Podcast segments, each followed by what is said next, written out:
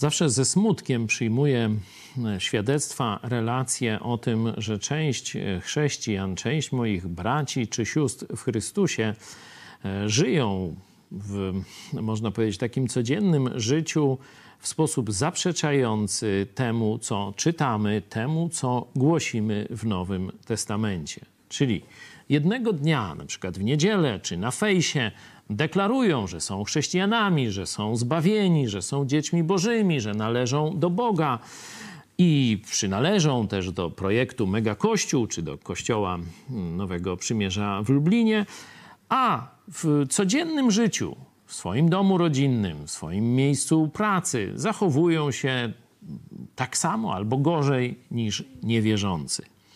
Chciałem tym z Was, którzy tak postępujecie, zadedykować takie przypomnienie od samego Jezusa. To jest Ewangelia Mateusza, piąty rozdział, werset czternasty. Wy jesteście światłością świata. Czyli Ty jesteś światłością świata.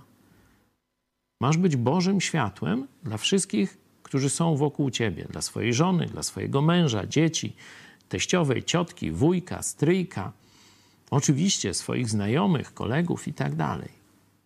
To jest Twoje teraz zadanie. Przyjąłeś od Jezusa ten mandat. Chwalisz się tym, że jesteś chrześcijaninem. To wiedz, że albo będziesz ludzi kierował do Jezusa, przyciągał do Jezusa swoim praktycznym życiem, albo będziesz ich od Niego odpychał będziesz zgorszeniem. Będziesz jak faryzeusze żydowscy, powodem, że poganie będą śmiali się z Jezusa Chrystusa.